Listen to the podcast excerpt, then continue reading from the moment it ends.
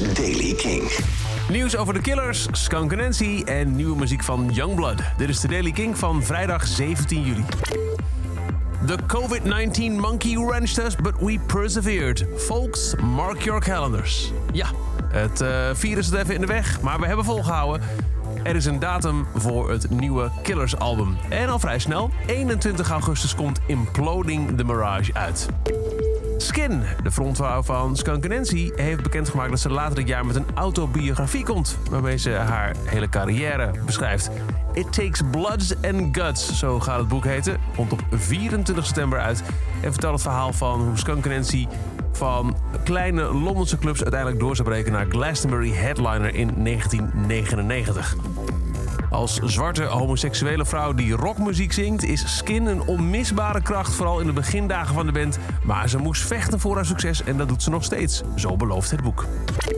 En gisteren is er een nieuwe single uitgekomen van Youngblood. De opvolger van The Weird gaat uiteindelijk toewerken naar een album. Maar ja, ook daar zit waarschijnlijk een COVID-19 monkey in de weg. Dit is de nieuwe Youngblood, die heet Strawberry Lipstick. This is a song about a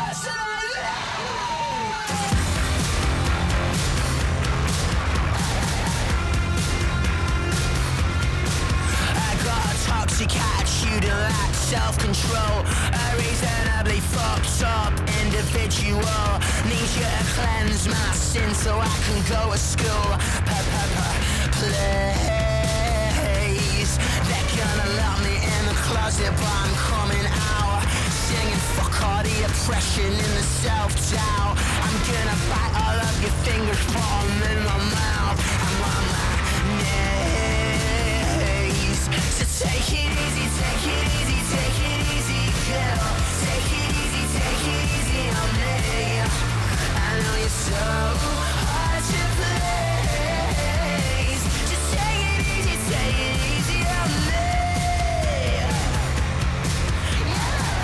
Strawberry Lipstick, de nieuwe van Youngblood. Het is alweer de Daily Kink. Elke dag een paar minuten bij met het laatste muzieknieuws en nieuwe releases. Niks missen? Luister dan dag in dag uit via de Kink-app, kink.nl of waar je ook maar naar een podcast luistert.